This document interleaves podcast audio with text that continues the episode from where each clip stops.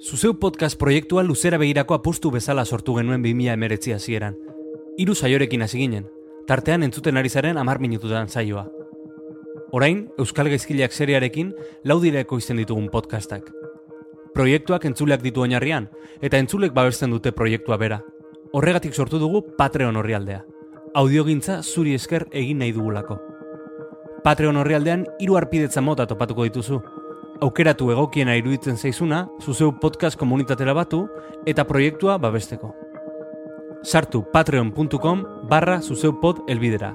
Hori da, patreon.com barra zuzeupod. Eta arpidetu gure edukietara. Azkue fundazioak babesten du, amar minututan. Kaixo, maite goni naiz, eta hau amar minututan da.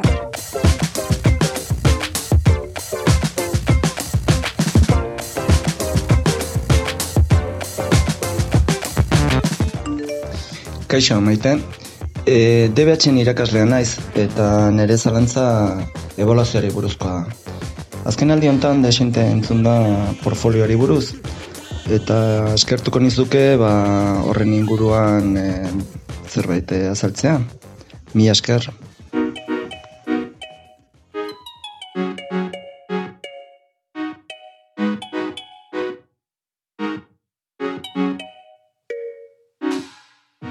Azteko mila esker galdera egin digunari, ez? E, egin digun irakasleari.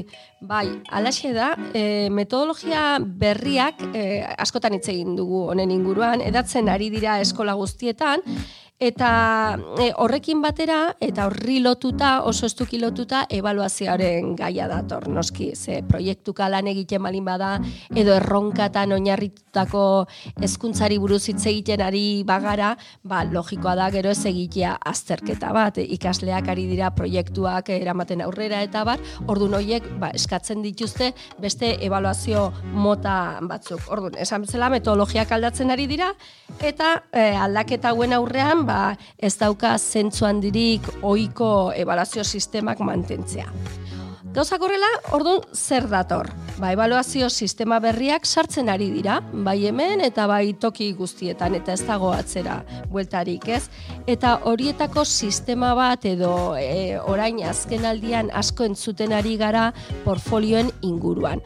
Orduan, e, horren inguruan hitz egiteko e, oso gai interesgarria iruditzen zait, portfolioena eta gaina oso gertutik e, jarraitu dudan gai bat da eta bai unibertsitatean eta bai bestela ere eta gaurko saiora gonbidatu dugu Sirat Santa Cruz, ba, nire lankidea izateaz gain, ba, doktora dutza egiten ari da gai honen inguruan eta gaina beak ezagutzen ditu eramaten ari da praktikara e, gurekin unibertsitatean e, portfolio eredu bate e, praktikan jartzen ari da, horren inguruan gero gogoeta egiteko eta gero beste esperientzia batzuk ere ezagutzen ditu. Orduan, e, nik uste dut berari deituko diogula zuzenean, ea zer kontatzen digun portfolioen inguruan.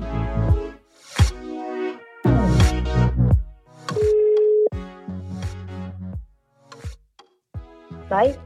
Kaixo, zira txorentxe, ari nintzen komentatzen, zemu zaude? Ondo, ondo. Ondo, orentxari nintzen komentatzen lankidea zaitu dela, eta justu entzule batek portfolioen erabieraz galdetu digu, eta bai, bai, bai, eta orduan e, ikusten danez, ba, zabaltzen ari dira, ez da, portfolioak eta evaluazio sistema berriak, eta, bueno, logikoa dan bezala, ez, e, kompetentzietan bai. ari bagara, kompetentziei buruz hitz egiten, ba, bueno, beste evaluazio modu batzuk e, ba, zabaltzen ari dira. Beraz, e, zuzen zuzenean egingo dizuz, ziratz, e, lehenengo galdera, zer dira portfolioako la gure entzulek ulertzeko moduan eta zertarako erabiltzen ari gara edo dira hezkuntzan ez orokorrean hitz egina. Vale. Bueno, ba portfolioa ni ausartuko nintzake esaten eh ez dauzela bi portfolio berdin. Orduan, portfolioa definitzerako orduan, eh esango neke segun eta ze helbururegi helbururekin eh erabili nahi dugun portfolioa izan daitekeela gauza bat edo bestia. Uh Historikoki portfolioak bai e, lotubia gehien bat artearen e, e, arloarekin. Artista gehienek, ba, agian e, bururatu, buruan daukagun irudi hori ez, karpeta handi batzuekin, euren e, lanik onenak edo erakusteko... E, Eta argazkilariek baita ez da? Argazkilariekin, bai, bai. bai. Aldiz, e, ezkuntza mundura, ja, e, jauzitxua egin zan, Europa mailan bedera, e, laro gaita margarren amarkada inguruan. Eta Espainia eta Euskal Herri mailan pizkatxo bat berandutxu hau sartu zen, baina ja gaur egun e, nahiko ohikoa bihurtzen mm -hmm. dabilen kontutxo dela esango neke, eta, bueno, ezkuntzan sartuta pizkatxo bat, esango neke, bereziki bereziki bi erabilera edo bi funtzio nagusi izan ditzakela portfolio batek.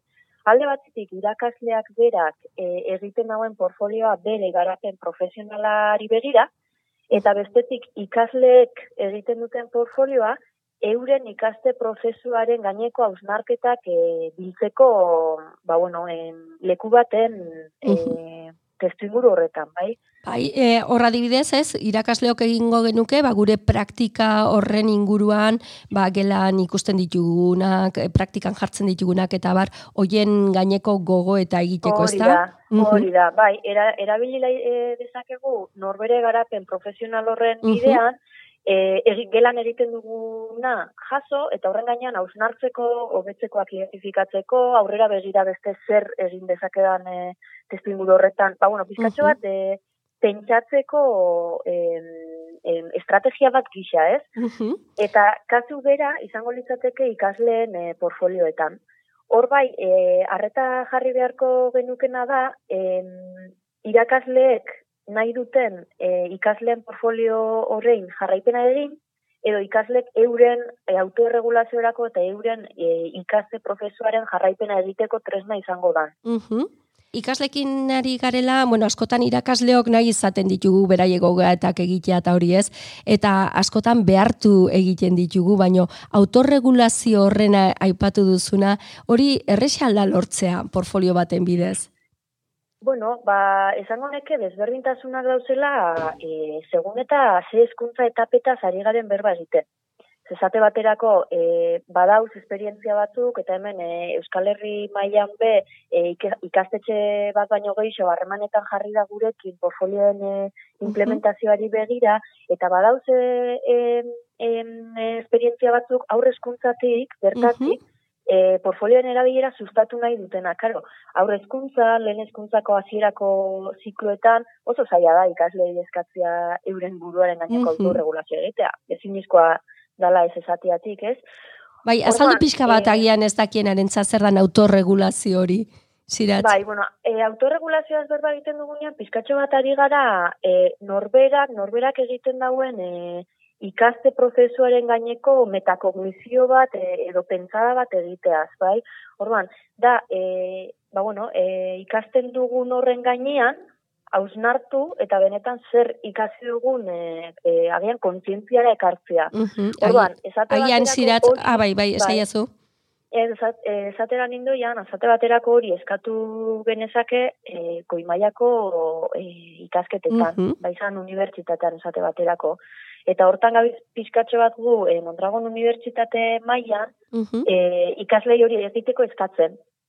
Orduan, e, bai ulertzen da, Mondragon Unibertsitate mailan fakultate ezberdinetan, eta bakoitzak bere, bere izaerarekin lotuta, lehen esan duten moduan, ez dagoelako portfolio bat eta bakarra, mm orduan, e, bakoitzak identifikatu dauen e, e, eiburuari erantzunez, ba, bai ari gara ikaslei eskatzen, euren ikaste prozesuen gaineko evidentziak e, identifikatu eta horrein gainean, eta kognizio edo edo osnarketa hori e, egiteko eskatzen. Mm, adibidez, izango itzateke bai. ez, agian ziratzo e, ulertzeko ba, entzulek eta barba, horren gaineko metakognizio hori izango itzateke, ba, zer egin dut ondo, zer hobetu dezakedan, nola ikasi dut, ez, pixka bat, galdera hoien inguruan. Bai, bai, bai, bai, bai, egin dut, ba, esate baterako e, ba, modulo edo lan sekuentzia batean egin dut e, hausnarketa bat, uh hori niretzat izan da oso esanguratsua agatik edo begatik, eta nahi dut gainera horren gainean, ondiok gehiago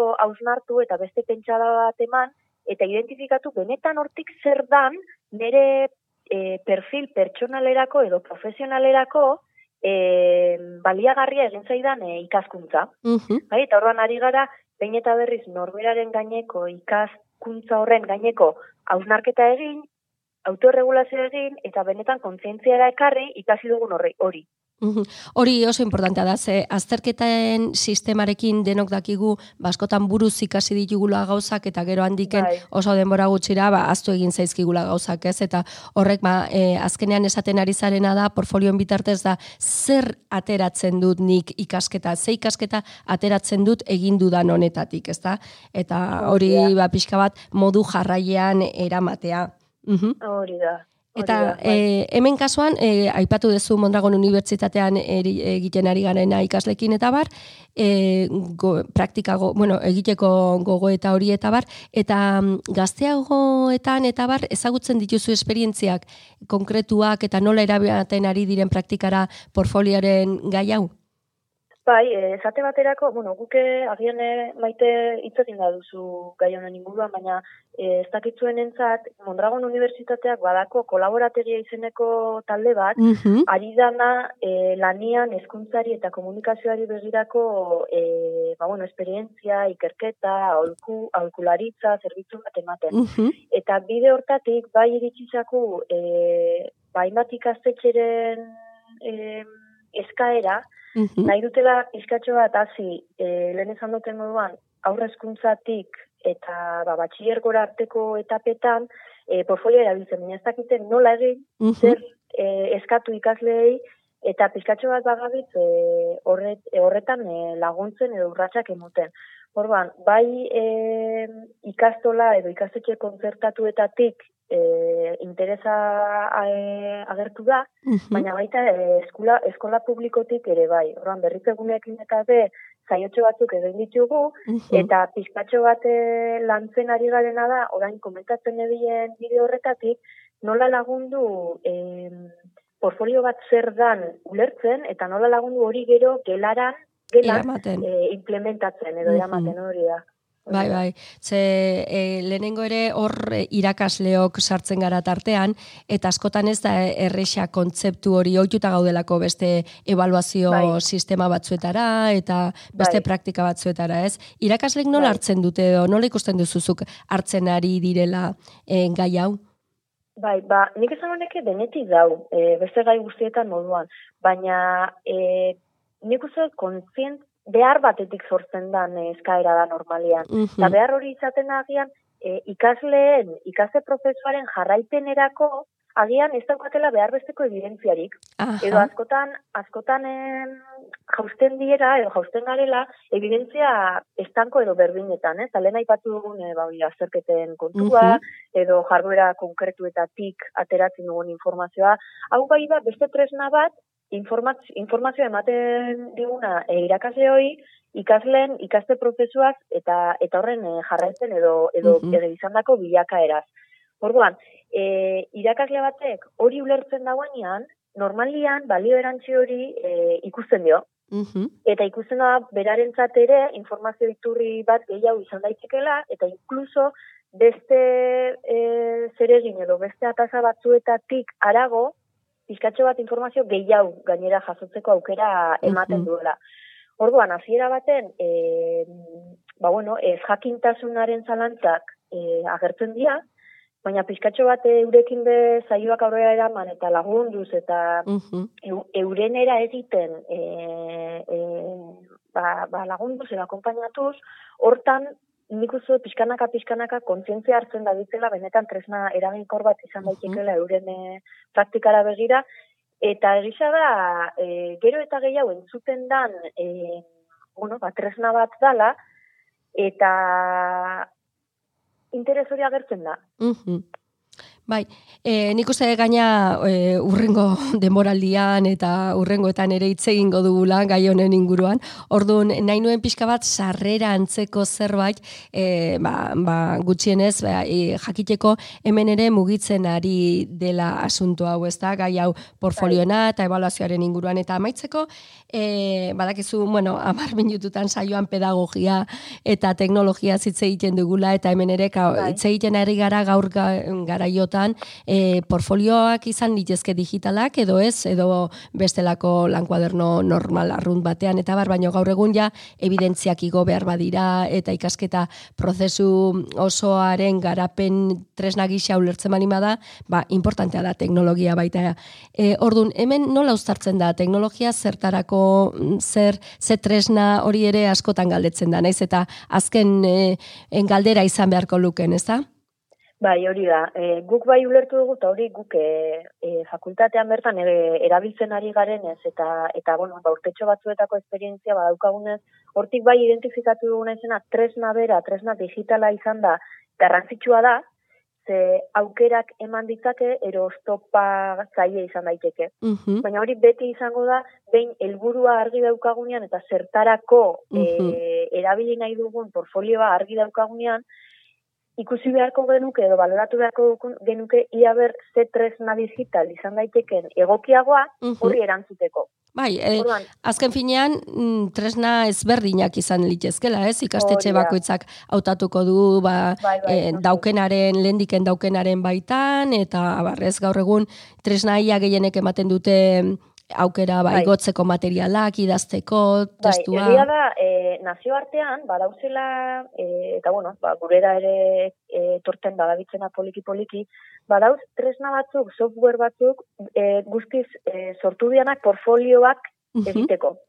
Aldiz, badauz beste tresna batzuk, agian, izan daitezkenak, e, printzipioz, e, zorregan, webguneak egiteko, erabili daitezkenak baita ere, portfolio gisa. egiteko. Uh Orduan, tresna bera, bai, eta gainera e, lehen aipatu duzu portfolio analogiko eta portfolio digitalen artean desberdintasuna hau guk digitalen aldeko autu egin dugu uste dugulako aukera gehiago eskaintzen dituela paperezkoak baino eta aukera horrein artean bai ikusten duguna da ba, esate baterako lehen aipatu egin deben evidentzia horrein gainean e, ez dakula zertan idatzizko evidentziak zoik jaso. Portfolio digital batek e, tresna bat edo beste izan, aukera ematen dau normalian e, bideoak igotzeko, podcastak igotzeko, uh argazkiak igotzeko, eta horreik eurak ere izan daitezke evidentzien abia puntu, eta horietatik e, hausnarketa egin. Hori da, eta aldi berean bai. ziratz baita kompetentzia digitala garatzen da ikaslena, ez? Hori da, hori da, bai, bai, bai. Oso, no? Ba, ez daukagu demorarik e, ezer gehiagorako, eskertzen dizut pila bat, gure saio honetan parte hartu izana, eta jarraituko bai. dugu hitz egiten honen inguruan. Ado, oso ondo. Oso ondo, eskarrik asko ziratz. Agur, agur, agur.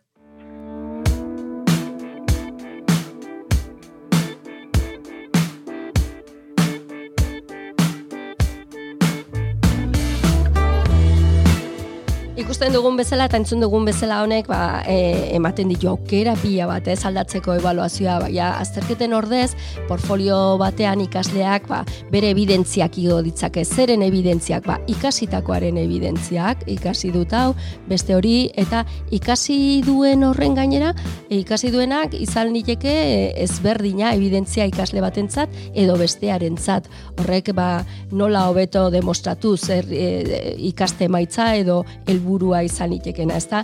Orduan, e, oso ikaskuntza portfolioa tresna mm, pedagogiko sendotza hartzen da azken aldian eta ondorioz ba hezkuntza garaikidearen funtsezko elementu bihurtu dela esan dezakegu edo beintzanik hori pentsatzen dut, ezta? Eta jarraituko dugu honen inguruan hitz egiten. Ba, bueno, gaur izan dugu e, aukera aparta, ziratzekin ba, gai honen inguruan gehiago jakiteko, Eta honekin, ba, iritsi gara amaierara.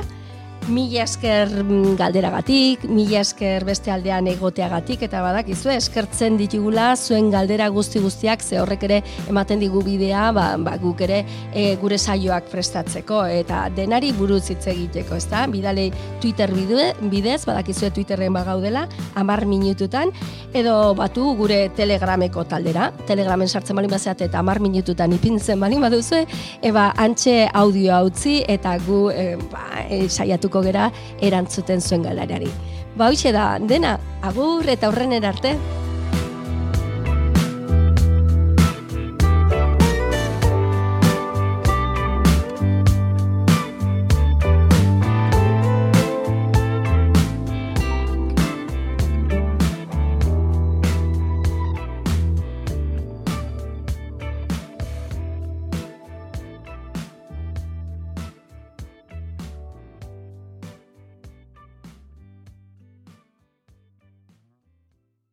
Edo zein audio plataformatan entzun dezakezu zuzeu podcast. Spotify, Apple Podcast, Stitcher, eta bestela sartu podcast.eus elbidera. Hori da, podcast.eus. Eta bertan topatuko dituzu ekoizten ditugun saio guztiak.